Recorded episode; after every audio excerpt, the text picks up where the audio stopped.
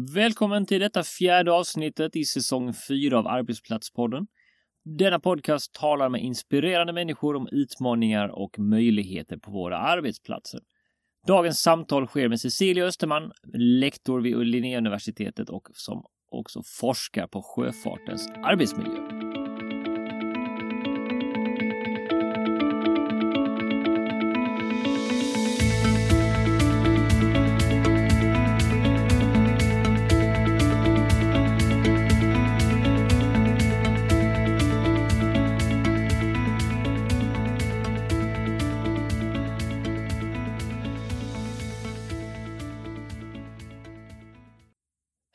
Lyssnare! Andreas här och välkommen till ett nytt avsnitt av Arbetsplatspodden.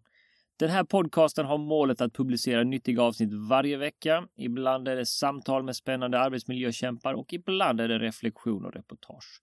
Du kan också följa Arbetsplatspodden på Facebook.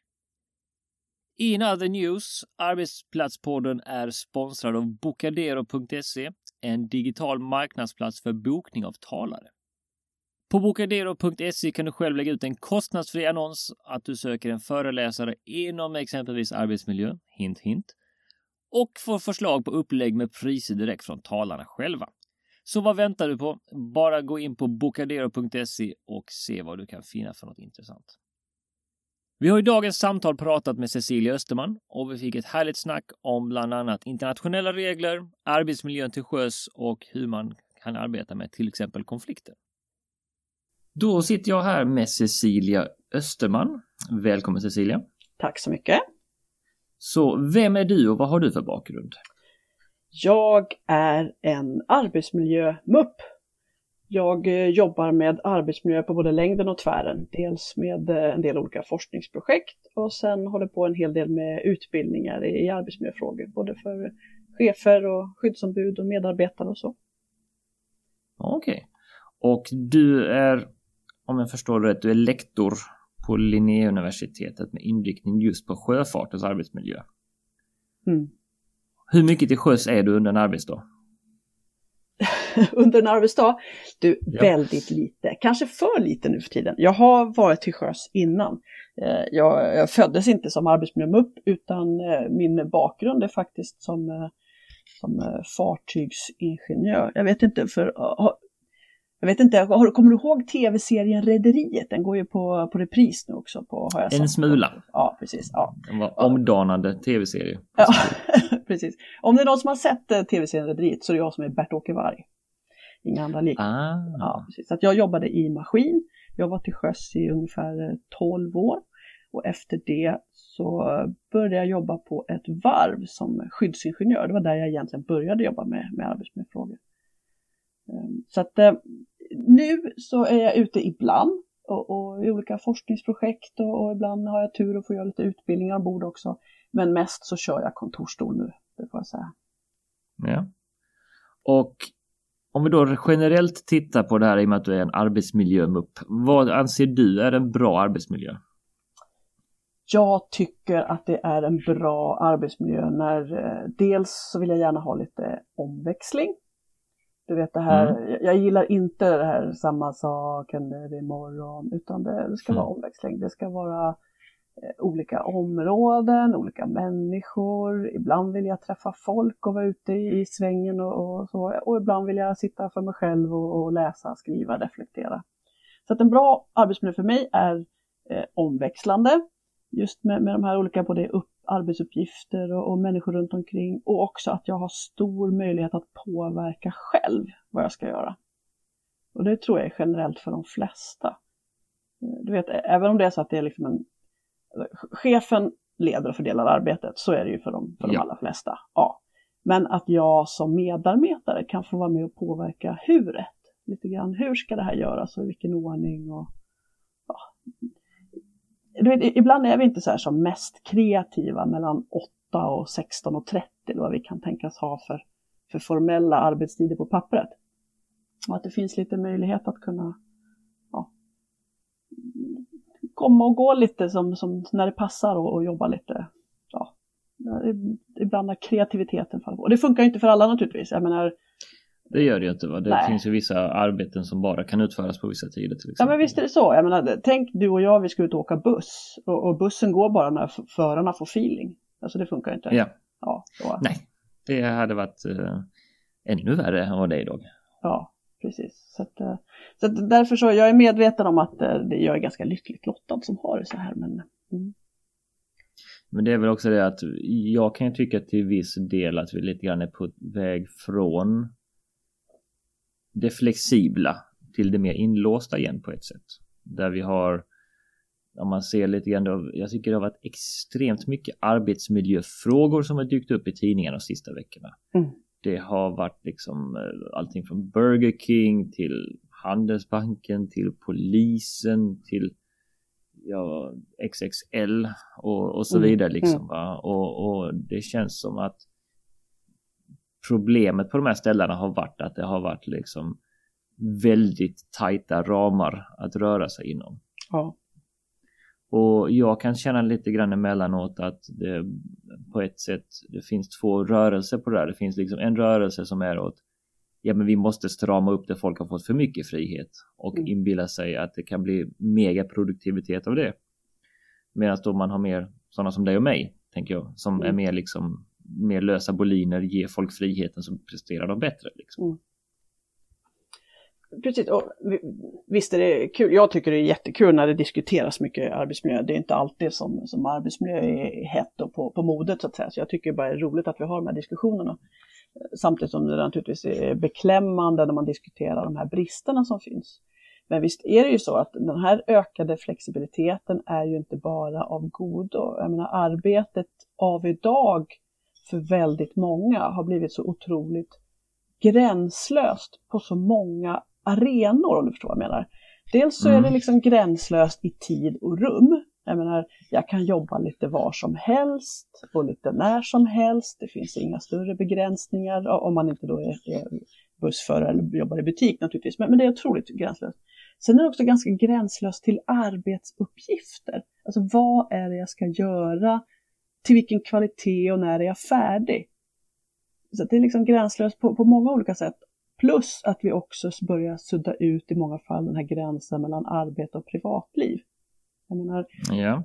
Förr så gjorde jag mycket av mitt jobb på arbetsplatsen. Liksom. Man stämplar in på morgonen, gör det jag ska, stämplar ut och går hem. Och, och sen så tänkte vi inte mer på det. Men för, för många, kanske framförallt i, i tjänstemannasektorn, så, så blir det ju så att ja, men det, jag tar med mig arbetet hem och sitter och grubblar på det och funderar kanske och, och svarar lite på mail på semestern eller på söndagen eller du vet, vi har ju till och med uppfunnit ett ord för det här med att, att, att vobba till exempel. Det säger en hel mm, del om samhället när vi behöver utöka vår säga, begreppsapparat. Ja. Men även åt andra mm. hållet, det funkar alldeles utmärkt att sitta och surfa på, på, på jobbet på arbetstid och på, på privata grejer och boka semesterresor och gå och klippa så lite så här? Så, så, så det är liksom gränslöst åt precis alla håll. Det känns lite grann som vi har tappat lite grann vem som har ansvaret för arbetsinsatsen på ett sätt. Ja. Att man ändå måste rapportera in någonting. Och ja jag har aldrig riktigt känt mig bekväm med att surfa privat på arbetstid. Eh, för att jag tycker det känns som att det borde man inte göra, men samtidigt så såg jag någonstans nu att de räknade ut att folk spenderar liksom nästan två och en halv timme, om inte det var mer, per dag i ineffektiv tid.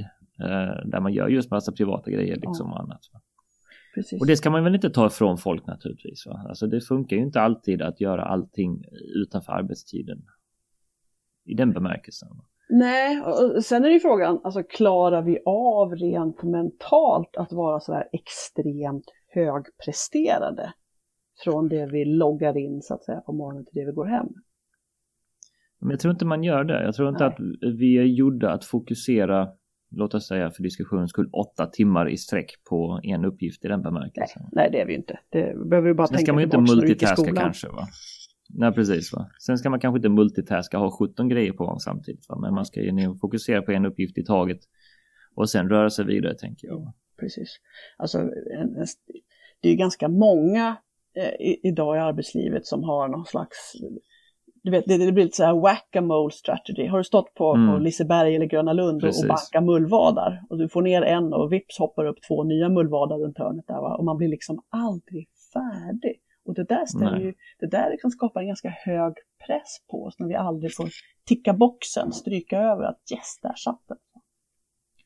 Man går hem fredagen och har fortfarande sju uppgifter kvar som man skulle fixat under veckan och sen ligger det och gnagar, även om inte man tänker på det aktivt så ligger det där och gnagar ändå. Ja men precis. Om man då tänker, nu har vi pratat lite generellt om arbetsmiljö, om man då tittar på skillnaderna arbetsmiljön till sjöss mm. jämfört när man är då, ja, till lands om man säger så.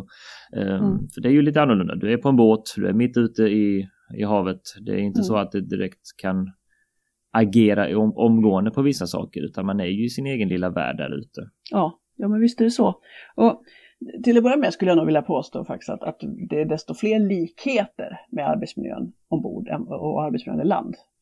Mm. Det, det, tycker jag nog. Alltså det är precis samma utmaningar som på de allra flesta arbetsplatser, så det är liksom inte så konstigt. Men sen finns det ju en del, vad ska vi säga, grenspecifika utmaningar för att prata friidrottsspråk.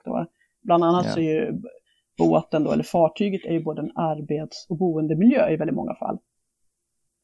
Där man faktiskt eh, inte bara jobbar ombord, utan man bor ombord och ibland kan du ju bo ombord i flera månader i sträck. Då, det, Precis. Du äter frukost, lunch och middag med dina kollegor, kanske ser på tv och, och liksom gymmar och, och, vad du nu gör för någonting då, med dina kollegor, vare sig du vill eller inte, för det är de som finns där. Det gör ju att det är svårt att, att dra sig undan ibland. Va? Det är svårt att koppla från det hela på ett sätt. Mm. Jag hade ju en vän till mig när jag växte upp, han, hans pappa var ju borta sex månader och kom hem sex månader. Mm. Ja. Och det där var ju liksom, min pappa han var borta fem, sex dagar i veckan och var ändå hemma lördag kväll till måndag morgon. Liksom. Mm. Men klart, totalt sett så kanske din pappa var, var, var liksom hemifrån mer då än, än eh, sjöfartspappan. Ja. Så, så, det är ju så. möjligt när man är hemma att man faktiskt kan vara hemma och vara här och nu och vara väldigt närvarande både fysiskt och mentalt. Medans, eh, så att, eh, det är naturligtvis en, en stor fördel.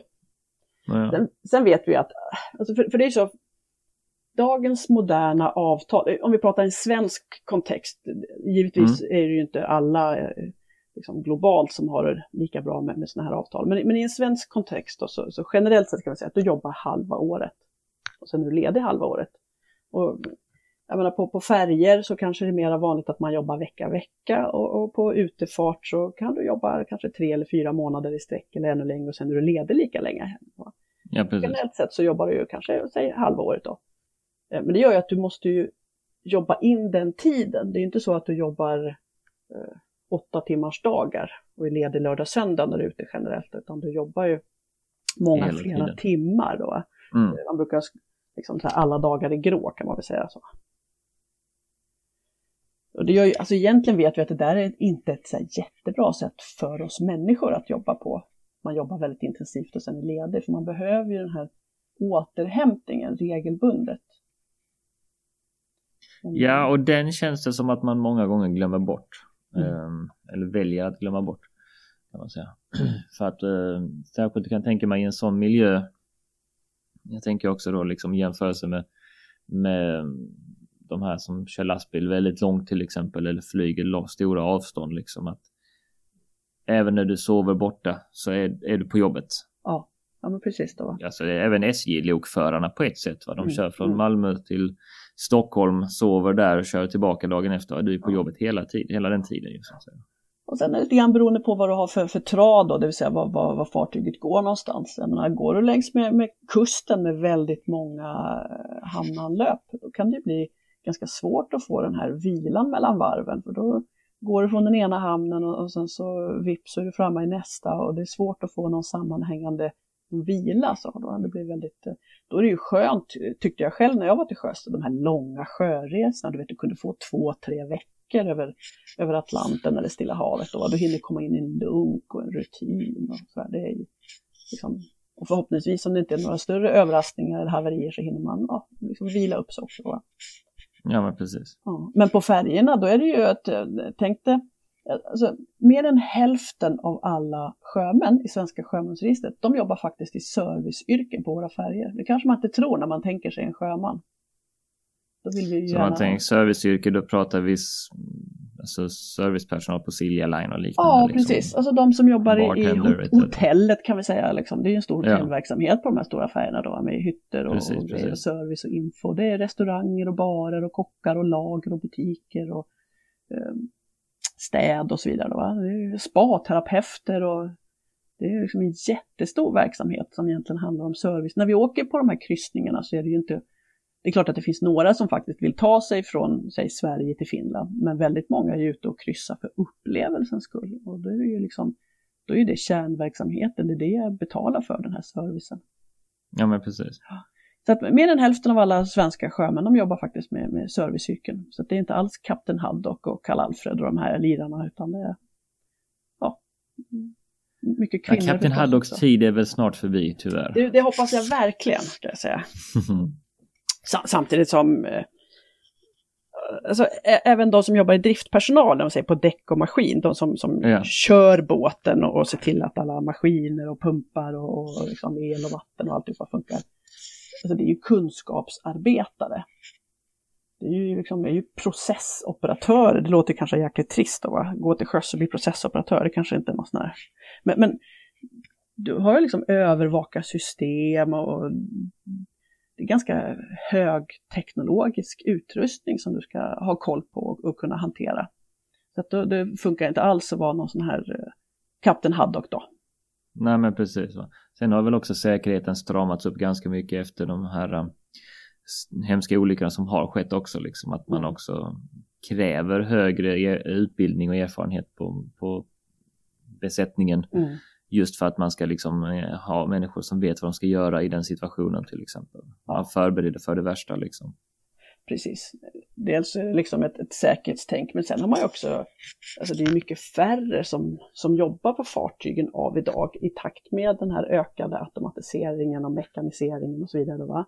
Så en hel del manuella jobb har ju försvunnit så att man kan köra båtarna med färre personer. Men det gör också att det är mindre tid till, eh, ja, till annat. Du har liksom Ja, inte, precis.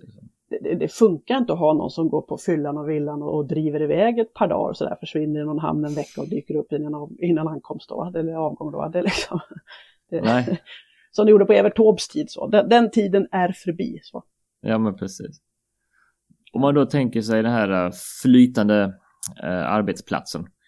Eh, den är ju väldigt omfattande samtidigt som, den, samtidigt som den faktiskt är begränsande. Mm. Eh, Ja. på många sätt. Va?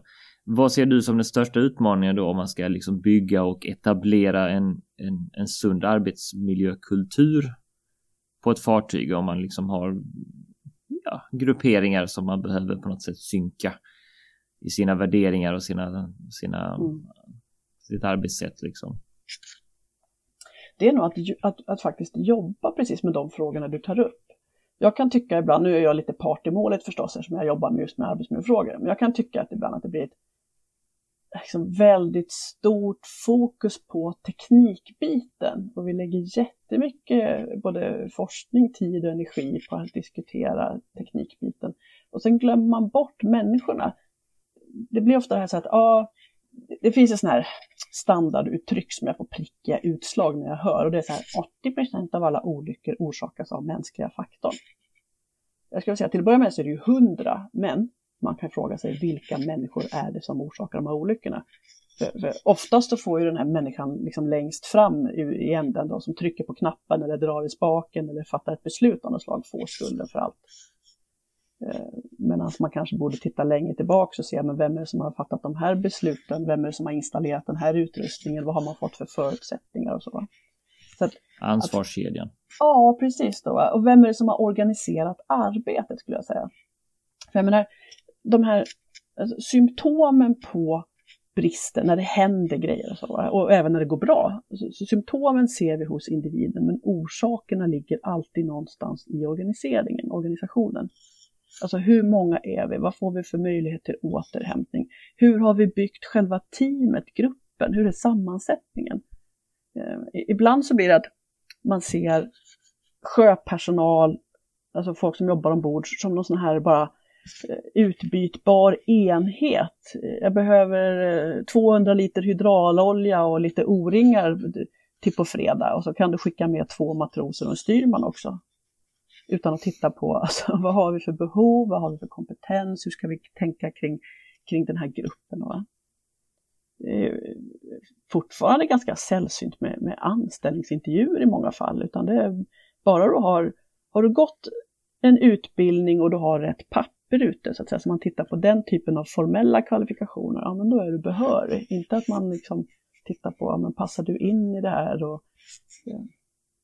har du, är det lite slit och släng mentalitet över det? Ja, att man kanske inte ser de här, man brukar kalla det icke-tekniska kompetenser. Då, liksom hur duktig är jag på att, på att kommunicera och hur jobbar vi med våra värderingar? Och sen ska vi inte glömma bort att om vi har en arbetssituation som är oerhört liksom, slimmad, där vi liksom långvarig hög arbetsbelastning med, med ganska små möjligheter till återhämtning och vila och så, då blir vi ju, alltså då får vi ju stressreaktioner. Och, och, ja men precis. Och, du, det kanske du inte vill säga här, men du kan ju fundera över hur trevlig är du när du är stressad? Ja, eh, det är väl ingen som egentligen är jättetrevlig när man är stressad. Nej. Så sätt. Nej. Det och vi tar väl fram de, de speciella sidorna. Ja, precis. Alltså vi, alltså, dels så blir vi jäkligt dåliga beslutsfattare när vi är stressade. Eh, och sen så blir det ofta lite så här syndabocksbeteende. Det måste ju vara någons fel att det är så här, eller hur? Och det kan ju inte vara mitt fel, mm. så det måste vara ditt fel. Ja, men precis. Ja. Men vilka är då, om man tänker liksom de vanligaste orsakerna till olyckorna till sjöss? Vad är det som folk gör när det händer en olycka där ute? Om vi tittar på, på personolyckor så att säga, så är den vanligaste är slips, trips and falls som det brukar heta i, i internationella arbetsmiljösammanhang. Det vill säga man fall, faller och snubblar och halkar. Mm. Det är det vanligaste. Vilket inte är så konstigt kanske, för det är likadant i alla branscher och även hemma. Ja, precis. Så far vi omkull. Och, och dessutom arbetsplatsen rör ju på sig, så det kanske är ännu mer förståeligt att man halkar och faller och, så. I lejder då, det vill säga trappor och, och, från höjd man klättrar upp på någonting och, och så här och trillar ner eller att man bara ja, halkar på någon oljefläck eller vatten eller så. Eh, och sen så är det ju om man tittar på, på arbetsskador i stort så är det ju väldigt mycket belastningsbesvär också förstås. Det trots att det är mycket manuella jobb har försvunnit så är det fortfarande ett ganska fysiskt tungt jobb då. Medan andra sitter still kanske lite alltid, mycket. Mm. Det finns väl alltid en möjlighet att behöva ta i med, med kraft på ett ja. skepp tänker jag. Ja, precis. Och sen är det också, så ser man ju, det är lite så här tråkiga tendenser, men det finns också att man ser att den här psykiska ohälsan ökar också eh, inom sjöfarten internationellt sett.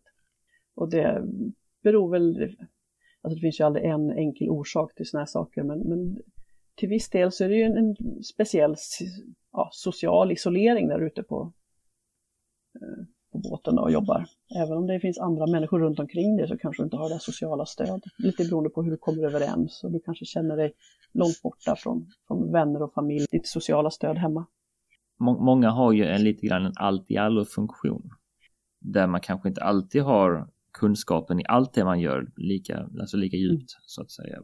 Är det liksom en vanlig ja, vi pratade innan här om att man är matros eller man är styrman och så vidare. Men, men man får lite grann bilden när man läser vissa grejer, liksom att det är rätt mycket en allt i allo situation att man kan få räkna med att nästan rycka in lite var som helst så länge man är på båten. Ja, Alltså, man, om, man, tittar på ett lastfartyg så är man ju ganska få och då går det liksom inte, det går inte att ringa firma sådär, men vi tar in någon från Manpower eller så, nej, utan då måste man ju lösa problemet när du är ute och då går det inte att säga att nej hörru du, det där är inte mitt expertområde, det får du lösa själv. Då måste man ju hugga in. Men sen är det ju ganska, alltså det är ju som en liten stad. Tänk dig själv, alltså många gånger när man tänker en båt så tänker man så att ah, ja, men det är en plåtlåda och så är det en propeller där bak som, som kör båten från A till B. Men, men det ska ju, allting annat ska ju funka. Det är ju dels framdrivningen då med motorn som kanske är det mest uppenbara, men sen ska du ha ström, du ska ha kallt och varmt vatten, det ska vara käk och det ska vara ventilation och det ska vara toaletter och det ska vara det ena med det tredje. Plus alla, all utrustning då beroende på vad det är för båt.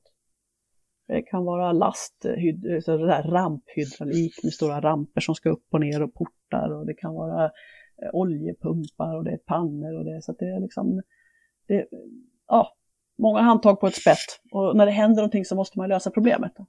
Så man kan säga att under rätt omständigheter så kan besättningen på ett skepp vara mer skräddarsydd utifrån uppgiften än vad det kan vara personalen på ett allmänt kontor egentligen mening. Ja, hur tänker du skräddarsydd? Nej men att du har vissa funktioner som bara skall fungera på ett skepp i och med att det är skarpt läge på ett annat sätt. Jämfört med om du sitter på ett, eh, ett kontorslandskap och har lite mer diffusa arbetsuppgifter mm. kanske. Ja. Där man liksom har anställt en mängd generalister som gör varsin uppgift medan man till sjöss som du säger, man har den här, man är isolerad, man har bara sig själva. Mm. Ja, jo, men så kan man nog se det. Samtidigt som man också måste vara eh, liksom, generalist på, på ett sätt. Givetvis så har man ju sina olika här, ansvarsområden och kompetensområden. Det är ju väldigt strukturerat och detaljerat eh, exakt vad man ska ha för utbildning och erfarenhet och så på, på väldigt många olika positioner in, inom driftsbesättningen på fartyg. Då. Men, men jobbar du i maskin till exempel, då, kan du vara, då måste du vara din egen svetsare, rörmokare, elektriker och brandman i allt i ett. Då. Men om man tänker sig då hierarkiskt sett på fartyg i och med att det är skarpt läge på ett annat sätt. Är det någonting man då av tradition och också av nödvändighet är lite striktare med då liksom? Ja, jag. Jo men det är det ju. Alltså, att kaptenen går ner med sitt skepp och sådana här. ja, precis. Det såg vi vid Costa, Co, äh, heter det, Costa, Gud, Costa Concordia. Så, så, så är det ju ja, inte precis. längre, märkte vi. Släpp fram mig. När befälet trillade ner i livbåten med sitt bagage.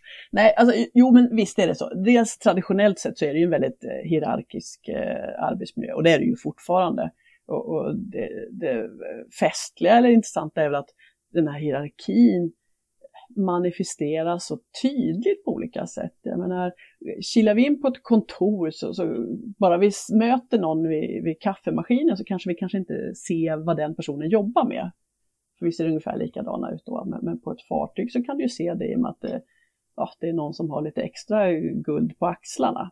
Så, så vi har ju uniformer och, och traditionellt sett så har man ju också då, eh, liksom man bor på olika däck. Så där, va? Ju högre upp i hierarkin desto högre upp bor du. Eh, det har varit tidigare vanligt att man har olika mässar, att man äter i olika liksom, ska säga, matsalar då, att man har olika dagrum då, det vill säga så här, typ vardagsrum kan man väl säga också. På, på många svenska last... Man får sitta vid kaptenens ja, bord när man äter. Nej, men så, alltså många svenska fartyg så har man gått ifrån det där. Där har man ju gemensam eh, både mäss och dagrum nu för tiden på, på många svenska fartyg. Då. Men, eh, men traditionellt sett så har det varit så att det verkligen är skillnad på utter och dagmask. Och, och mm. alltså, man kan ju argumentera att i händelse av liksom, nödläge så måste det vara tydligt vem det är som fattar beslut och vem det är som bestämmer. För då har vi inte tid med, jaha, tycker du det? Nej, det tycker inte jag. Utan släck nu för fan branden här och se till att sätta livflotten i sjön. Då. Men personligen så tycker jag inte att, att, att det är ett giltigt alibi för att alltid ha den typ av väldigt hierarkiskt, vill säga, autokratiskt, väldigt liksom, styrande ledarskap. För att trots allt så är det så att det är väldigt liten del av vår arbetstid som faktiskt ägnas åt att sjunka, krocka och brinna upp. Ja, som, ja, som tur är. Och, och, därför så tycker jag att då kan man faktiskt jobba med lite mer inkluderande ledarskap i. Sådär? Det, vi har haft en, alltså det, mycket ledarskapsutbildningar inom sjöfarten har varit fokuserade nästan på, på truppledarskap. Liksom. Man tittar på Försvarsmaktens gamla, hur vi leder en trupp i fält. Men, men det är inte det det handlar om. Inte riktigt, för man kan inte fly fältet om man känner för det. Till exempel. Nej, nej, det kan man inte. Det blir klart, man behöver mer beståndsdelar som kan, kan, man gå och hoppa över bord, men det tycker jag inte ska göra. Nej, så, så jag, ty jag, tycker att en, en, jag tycker vi kan gå ifrån den där liksom, myten att vi behöver ett väldigt strikt hierarkiskt ledarskap ifall den dagen det börjar brinna. Jag tror att de flesta människor klarar av, alltså har vi ett tillitsbaserat ledarskap så tror jag de flesta klarar av att, att skilja på, på vardag och nödläge. Det är lite grann det jag tänker också. Att uh, allting behöver inte vara rederiet och loveboat mentalitet liksom att åh kapten hej hej Nej, välkommen. Lite grann sådär. Jag såg uh, Hassan Minaj har ju ett program som heter Patriot Act där han tog upp framförallt kryssningsfartygen. De här, vi har ju tre gigantiska företag som sysslar med kryssningsfartyg och de har 93 procent av marknaden tror jag, någonting sånt där tillsammans. Eh, och där hade man ju av gammal vana men också av strategiska skäl så var ju många av företagen skrivna i Filippinerna vill jag minnas.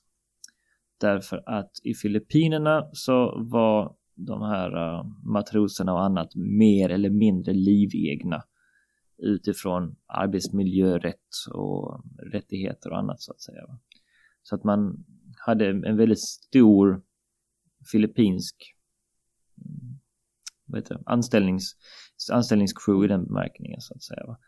Och det skapade ju situationen att som jag har förstått att om ett skepp är skrivet i ett annat land så gäller det landets lagstiftning för landet man ankrar i. Ja, precis. Så är det ju. Alltså har du en...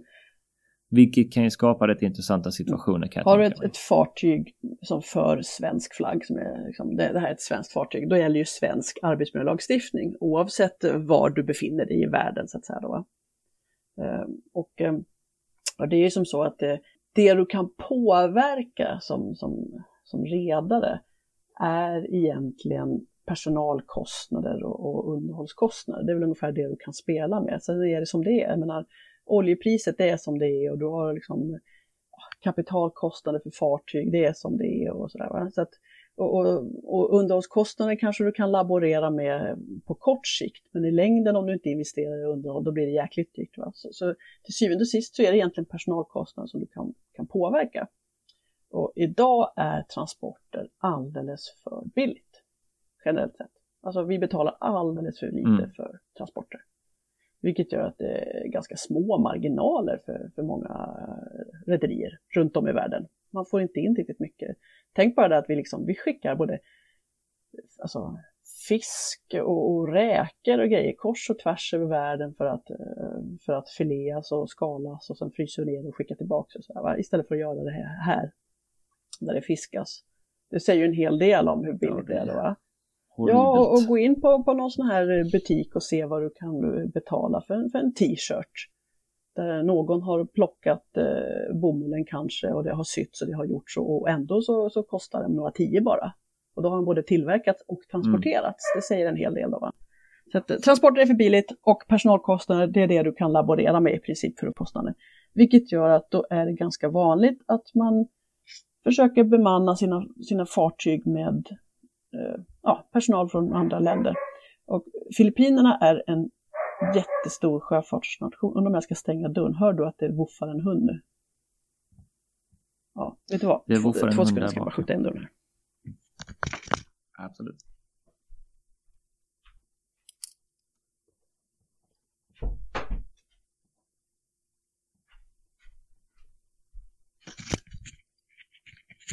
Så där är vi tillbaks. Precis. Eh, Filippinerna är en jättestor sjöfartsnation eh, och eh, finns väldigt mycket filippinska sjömän. Samtidigt så är inte de de billigaste ska vi säga. Det finns betydligt billigare nationaliteter om man vill pressa priserna ännu mera. Eh, många filippinska sjömän är också väldigt, väldigt duktiga så det är liksom ingen, ingen slump att det, att det har blivit så, så många. Det är en fin balans mellan ekonomi och eh, kvalitet. Ja, nej men absolut. Och det finns ju många. Ja, och, och sen är det ju så, alltså, precis som i alla andra sammanhang, att det, det, du får lite vad du, vad du betalar för. Det finns ju skolor, sjömansskolor och sjöbefälsskolor på Filippinerna som är oerhört bra och som, och som har blivit jätteduktiga sjömän av det. Så att det behöver absolut inte vara något, eh, något problem. Och, och alla har det ju inte dåligt. Det finns nog de som har det betydligt liksom sämre förhållanden. Men om vi tittar globalt sett så finns det ju givetvis en problematik med, med i princip liksom nästan slavliknande förhållanden eh, i, i världshandelsflottan med, med människor som det är, det är dubbel bokföring på löner så att eh, de får faktiskt inte det, den lön enligt det avtal som, som det står i boken utan det finns dubbelt. Så, eh, och, och, som sagt det finns en dåliga kontrollfunktioner om hur man faktiskt har det med olika arbetsförhållanden och så. Så att det är verkligen ett, en stor utmaning för världen, för branschen i stort. Så. Det finns Ja, en skuggverksamhet Ja, i det. liksom, som man måste hålla ett öga på. Men om man då tänker sig att eh, man hamnar i, alltså vi har en arbetsmiljökonflikt till havs. Eh, låt oss säga att det är liksom en mobbningssituation. En servitör är elak mot en annan servitör och fått med sig eh, en mängd människor och, och det här liksom, det har en situation som måste lösas.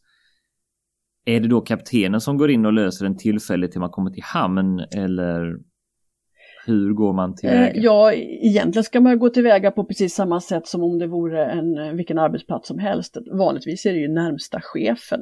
Och det, skulle det vara, säger vi att det är just mellan två servitörer som du sa i ditt exempel, så är det väl rimligt att det finns någon närmare chefen än befälhavaren då, att det är kanske någon restaurangchef eller någon intendent på, på, på färjan då, eller kryssningsfartyget. Så det är närmaste chef som har ansvar att faktiskt eh, ja, som det står i arbetsmiljölagen, vidta alla åtgärder som krävs för att se till att det finns en god arbetsmiljö.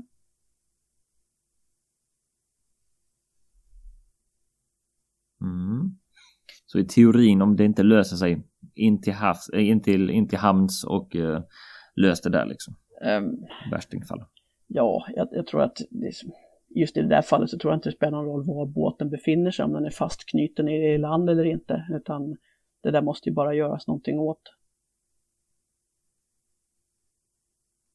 Men vad är det för arbetsmiljöregler som gäller på internationellt vatten då? Där finns det ett Ja, internationellt alltså på, på en svensk båt så är det alltid svensk eh, lagstiftning som gäller, oavsett var du befinner dig, så att säga. Det är det ju. Ja. Eh, och, och på andra fartyg så beror det på vad du har för, för flagg i häcken på fartyget. Så står det Ulan Bator, Ja, det finns faktiskt fartyg som är registrerade i Mongoliet fast de inte har någon, någon kust, ja då är det, står det Ulan Bator i häcken på båten, ja då är det Mongoliets arbetsmiljölagstiftning. Som jag inte känner till i detalj ska jag ju skynda mig att erkänna, men jag misstänker att den kanske är på en aningens lägre nivå än den svenska, tänker jag. Det har väl kanske inte varit så mycket fokus på sjöfartsregler och Nej. arbetsmiljö till sjöss. Så att, sen är det ju på, på svenska regler då är det ju så att eh, lite, lite lustigt eh, och inte helt optimalt kan jag tycka personligen så är det som så att vi har arbetsmiljö, arbetsmiljölagen gäller alla svenskflaggade fartyg oavsett var de befinner sig i världen. Men de här detaljreglerna som ges ut av Arbetsmiljöverket, de gäller inte. För att sjöf svensk sjöfart är den enda bransch i hela Sverige som inte har Arbetsmiljöverket som tillsynsmyndighet, utan det är Transportstyrelsen. Ja. Precis. Och det är ju faktiskt någonting jag tänkte ta upp med dig också. att Jag har förstått att det där fungerar inte jätteoptimalt enligt diverse människor. Och då tänker jag, vad består kritiken av och vad ser du att man kan göra bättre? Alltså, kritiken består nog i huvudsak av att det här är ett väldigt omodernt system. Till att börja med har jag jättesvårt att förstå varför det, varför det är så här överhuvudtaget. Eh, när man läser i, i, i liksom tidningskommentarer från Transportstyrelsen så har de hävdat att ja, men vi måste göra så för vi är så speciella i vår bransch. Eh, och då skulle jag ju vilja veta vilken bransch som inte är speciell. Eh, om, om det är nu så att Ja. de här svenska reglerna funkar för gruvindustri, för skolor, sjukhus, större biltillverkare på hissingen, eh, professionella tungdykare och hårdrocksbasister. Varför i all sin dar skulle det inte gå att funka för, för liksom en svensk båt? Särskilt då som jag sa innan då att, att eh, mer än majoriteten av alla svenska sjömän faktiskt jobbar i serviceyrken, i en hotell och restaurang och lager och butiksmiljö. Fullkomligt obegripligt för mig. Så det är lite grann att de slår vakt om det de tycker är sitt och inte riktigt eh, ser. Ja, ser jag tror att de har snöat in alltså på det här båtspecifika, fartygsspecifika. Att, eh, med, med propeller och, och plåt och stål och skrov. Och det är klart att det är väl kanske lite speciellt, även om jag tänker att även gruvindustrin och pappers och stålverk och så vidare också har en hel del specifika maskiner som är lite speciellt. Då, va? Men att faktiskt, att de glömmer bort de här liksom vanliga eh, utmaningarna i arbetslivet som vi har gemensamt med alla andra. Och, och, kritiken består väldigt mycket av att, att Transportstyrelsen i sin tillsyn när de är ute och besöker fartygen framförallt tittar på de här liksom, tekniska, hårda grejerna och fokuserar på att vi inte ska dö på jobbet, att vi inte ska just uh, sjunka och brinna upp. Mm. Och, jag har väl inga problem med ambitionen att vi ska överleva dagen. Det, det är väl okej, okay, men den är lite låg kan jag tycka. Så. Alltså det är inget fel på... på... Ja, precis. Och må bra. Det vore väl en tanke. Särskilt när vi har haft det som... Ja, eh, alltså, vår arbetsmiljölag i Sverige, den är alltså från 1978. Den är över 40 år gammal. Så att i över 40 det har bara ja, kommit precis. massa tillägg ja, både till tillägg och, och det, det har lagts till och dragits ifrån. Men, men grundbulten, så att säga, grundstrukturen, den är densamma mm. sedan 1978. Så i över 40 år så har vi haft ett syfte med arbetsmiljölagstiftningen som säger att vi ska, vi ska förebygga ohälsa och olycksfall och se till att vi har en god arbetsmiljö.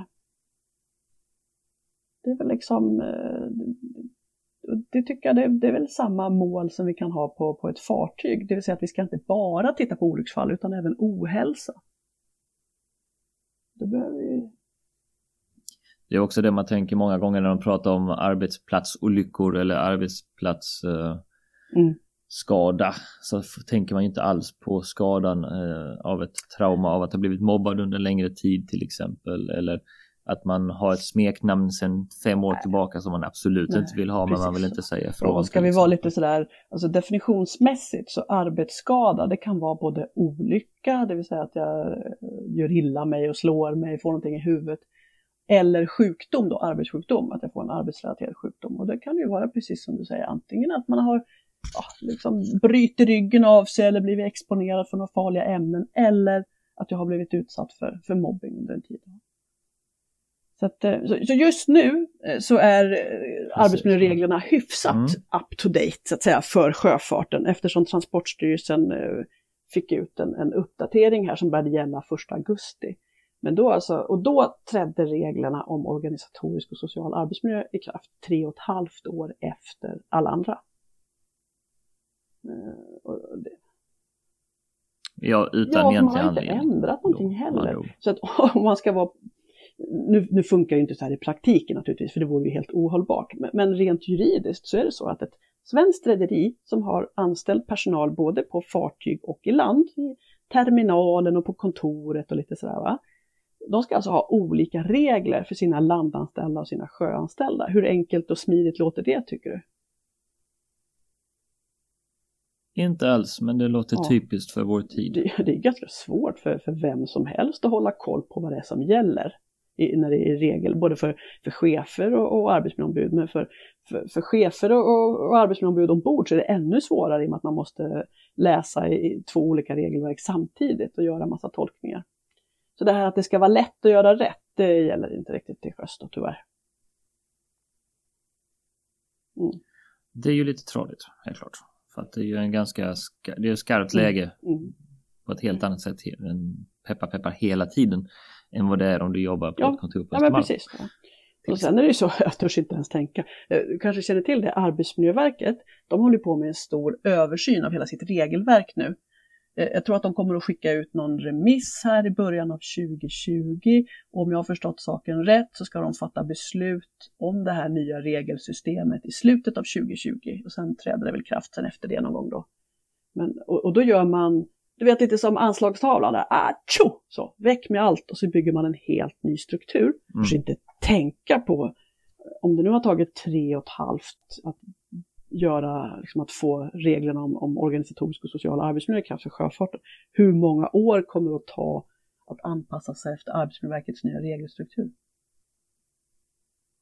Det väl, lär väl inte bli ett copy-paste jobb som sist utan och, som tog tre år utan de ska väl sätta sig ner och gräva i det ordentligt. Ja, visst, det kan ju bli, om de inte är snabba på bollen där då kommer det bli ett, alltså, helt, jättesvårt för alla att försöka begripa vad det är man ska göra. Ja, det blir det verkligen. Det blir det verkligen. Nej, så väck med de där dumheterna tycker jag. Det där har tjänat ut sin, sin roll nu. Så himla speciella ja. är vi inte, så ta bort det där tycker jag bara.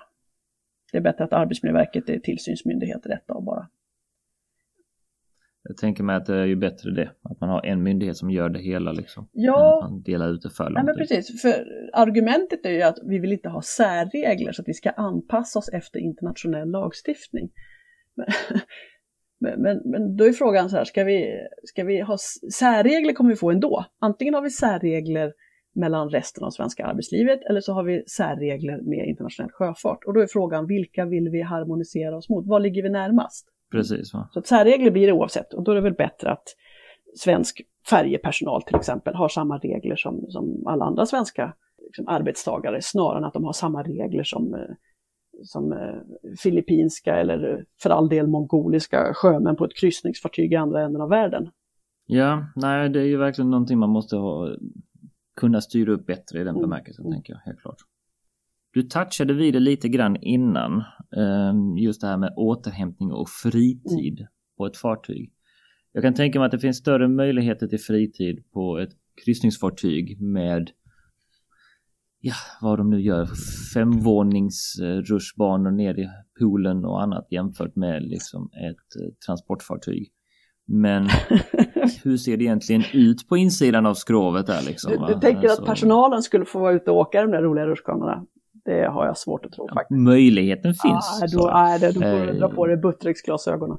Det är faktiskt ganska vanligt att, att eh, personalen på, på och kryssningsfartyg inte får vistas så mycket ute i de publika utrymmena. Så att, eh, dessutom så, eh, arbetsdagarna är så långa. Tänk dig själv, du ska, om du jobbar i restaurangen, du jobbar både frukostserveringen och sen är du ledig några timmar på dagen och sen ska du jobba kvällsserveringen och sen ska du sova några timmar. Så att, eh, det är, när du väl är ombord så, så finns det ju ganska liten tid till, till rekreation. Men det är, det är viktigt att, att det finns något. Ofta så brukar ju de lite större färgerna ha ju ett eget, kanske lite så personalgym eller liksom videorum och det kan finnas lite, lite spel och, och lite bibliotek brukar finnas på, även på, på lastfartyg brukar det finnas något litet, något litet gym sådär. Och lite filmer ja, och böcker och lite sådär. Ja, okay. Eh, men, men många gånger det är så oerhört slimmat och det är så oerhört effektiviserat. Så det finns ganska lite tid att slå ihjäl. Att säga När du väl har eh, ätit, duschat, kanske tvättat lite kläder någon gång ibland, eh, fixat lite sådär. Det är inte så jättemånga timmar kvar på, på dygnet då. Så det, det... Då vill du kanske hellre bara sova och läsa en bok? Ja, för en del så, så måste du gå och lägga dig helt enkelt. För du, det finns ju de på lite mindre fartyg som jobbar sex om sex. Det vill säga du jobbar sex timmar, ledig sex timmar, jobbar sex timmar, ledig sex timmar. Dygnet runt, runt, runt, runt, runt, runt, runt. Och på de här lediga sex timmarna så ska du hinna göra allt det där då. Äta, duscha, sova, skriva hem, tvätta kläder. Och sen så är det övningar, säkerhetsövningar och ja, är du chef då eller befäl så kanske du måste jobba med lite administrativt arbete. Eh, på, på de här timmarna som du inte kör båten så att säga. För du kan ju inte sitta och hålla på med administration samtidigt som du ska titta ut genom fönstren och köra båt.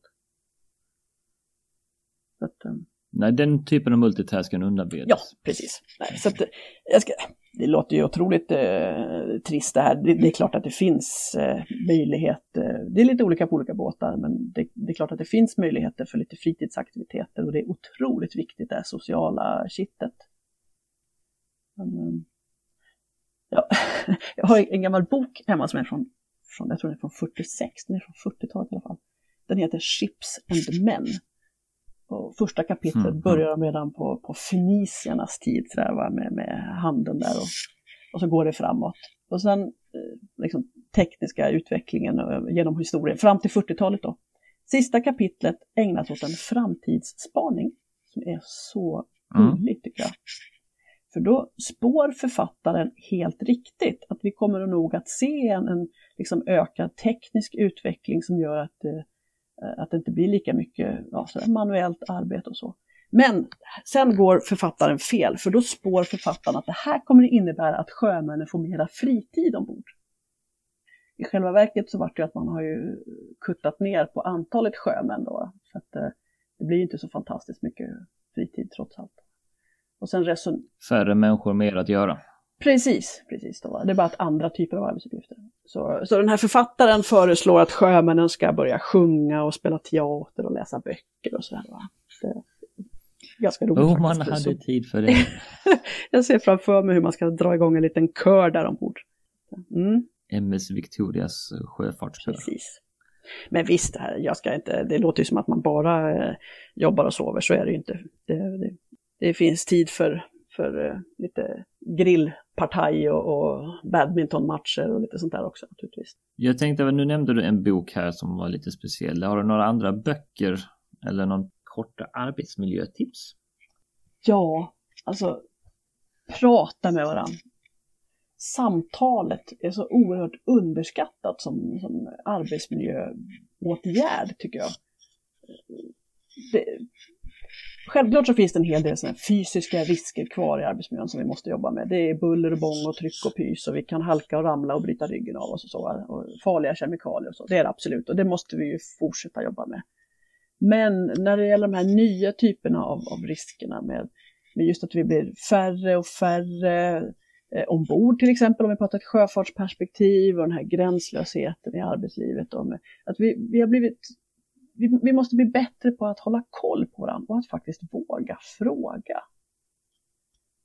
Prata med varandra och se samtalet som en, ja, som en riskbedömningsmetod. Så att säga. Fråga hur, hur känns det?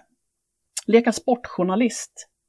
Varför är det bara eh, idrottspersonligheter som så fort de har gjort ett litet hopp eller skutt eller kastat iväg en boll en liten bit så är det någon som frågar ja, men hur kändes det där då? Att faktiskt prata med varandra också. Otroligt viktigt.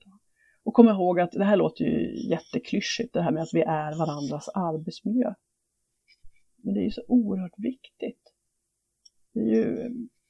Alla kan ju... Det är klyschigt men sant. Ja, alla kan ju ha en dålig dag, så är det då. Va? Och att vi har... Dels att jag har förståelse för att mitt sura, griniga humör går ut över dig.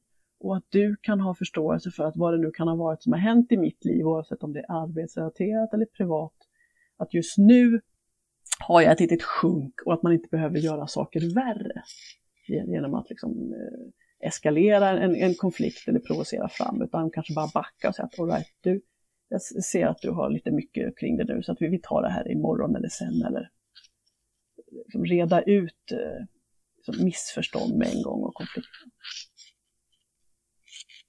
Det som tyskarna kallar för Fingerspitzgefühl. Ja, precis. Helt precis. Lär känna dem du jobbar med så att du vet hur du ska hantera Ja. dem när de inte har en bra dag. Jag kan tycka att det är någonting som försvunnit lite grann också, att man tar sig tiden att lära känna dem man jobbar med. Ja. Och riktigt lite grann lära känna hur folk, vad är det som får folk att ticka liksom. Det kan jag tycka att man har tappat många Ja, gånger. det är ju jätteviktigt. Dels att känna igen sina egna stressorer, att jag vet vad är det som, som får mig att bli stressad och också känna igen mina egna stressreaktioner så att jag kan liksom, oj nu händer det där och jag ska tänka till eller ta det lugnt. Men också att jag lär mig att känna igen kollegors och, och om jag är chef, mina medarbetares eh, stressreaktioner också så att man blir, blir duktigare på på att prata om, om hur vi ska fördela arbetet och vara tydliga om förväntningar och så. Ja, det, det tar tid att skapa och vårda relationer, men att man, man måste jobba med den här tilliten. Då. Och tydlighet. Jag tror oerhört många konflikter och att folk mår dåligt är för att det finns en massa otydligheter. Att jag inte riktigt vet vem som ska göra vad, på vilket sätt och till vilken kvalitet. Och så blir det otydligheter och, och så att det, det behöver man jobba med. Det, det är bättre att, att jag får ett besked som jag egentligen inte gillar, men då har jag i alla fall någonting att förhålla mig till. Då. Ja men precis. Och det tycker jag väl är en ganska bra sammanfattning av, av det hela. Att man vårdar relationer och bygger relationer. Man är tydlig med vem som har vilket ansvar Mm. och vilken roll. Mm. Och bara av de eh, sakerna så kommer det bli mycket lättare och bättre arbetsmiljö bara Ja, därav helt enkelt. Cecilia, det har varit fantastiskt roligt att prata med dig. Ja men Och, eh, verkligen. Så tacksam för att du eh, tog en, tog den tiden att komma i land och vara med och prata om hur man mm, arbetar med arbetsmiljön till sjöss. Så tack så jättemycket Cecilia, verkligen. Stort tack. Det var dagens avsnitt av Arbetsplatspodden. Jag hoppas du tyckte det var givande. Dela gärna avsnittet eller kommentera. Glöm för all del inte bort vår sponsor Bocadero.se att gå in och kolla om det finns föreläsningar som är intressanta för dig och din arbetsplats. Och jag hoppas att du får en fortsatt fantastisk dag.